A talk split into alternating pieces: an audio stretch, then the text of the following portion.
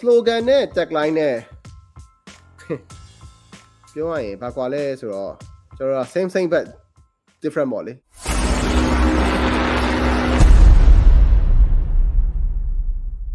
ဟို David မင်းမေးထားတာအဲ slogan နဲ့တဲ့အဲကျွန်တော် design ထဲမှာထည့်တဲ့ဒီ tagline နဲ့ပေါ့နော်ဘာကွာလဲကျွန်တော်ပြပြပေးပါတဲ့အဲ့တော့အဲ့တော့ slogan နဲ့ tagline နဲ့ ပြောရရင်ဘာကွာလဲဆိုတော့ကျွန်တော်က same same but different ပေါ့လေသိမလားအဲ့တော့ same same but different ဆိုတာကျွန်တော်အမြင်တော့နော်ကျွန်တော်အမြင်ကဟို tagline နဲ့ slogan နှစ်ခုကွာတဲ့ပုံစံမျိုးကကြတော့ဗျာ okay အဲ့တော့ slogan ဆိုလို့ရှိရင်ကျွန်တော်ဘယ်ဘက်ဘက်ကိုဦးစားပေးပြီးသွားရလို့ကျွန်တော်မြင်လဲဆိုတော့အာ ဒီကြောညာဟို benefit ကိုပြတဲ့ကြောညာဘက်ကိုပို့ပြီးတော့တယ်လို့ကျွန်တော်အနေနဲ့မြင်တယ် brand slogan တွေအကုန်လုံးကဟို tagline ကကြတော့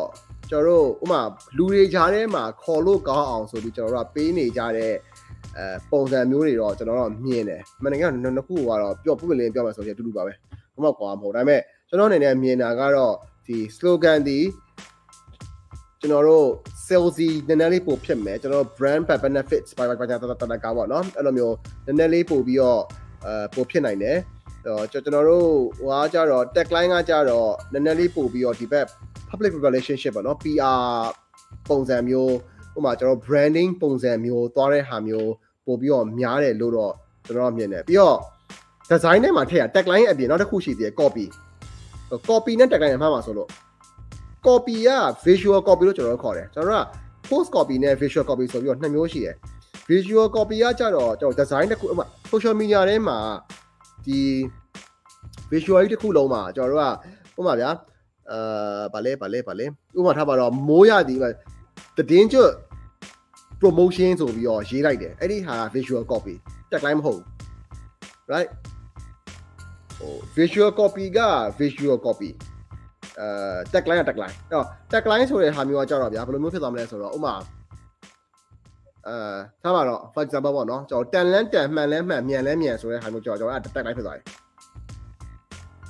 အဲကျွန်တော်ဥမာ service အဲစံတာတစ်ခုကနေပြီးတော့မှကျွန်တော်ကြောညာမယ်ထားပါတော့ example right ကျွန်တော်တန်လန်းတန်မှန်လန်းမှန်မြန်လန်းမြန်ဆိုတဲ့ဟာက tagline တည်င်းကျွတ်အထူးစရောင်းပွဲတော်ဆိုတဲ့ဟာက visual copy အဲ့နှစ်ခုမတူဘူး right အဲ့တော့ ဟို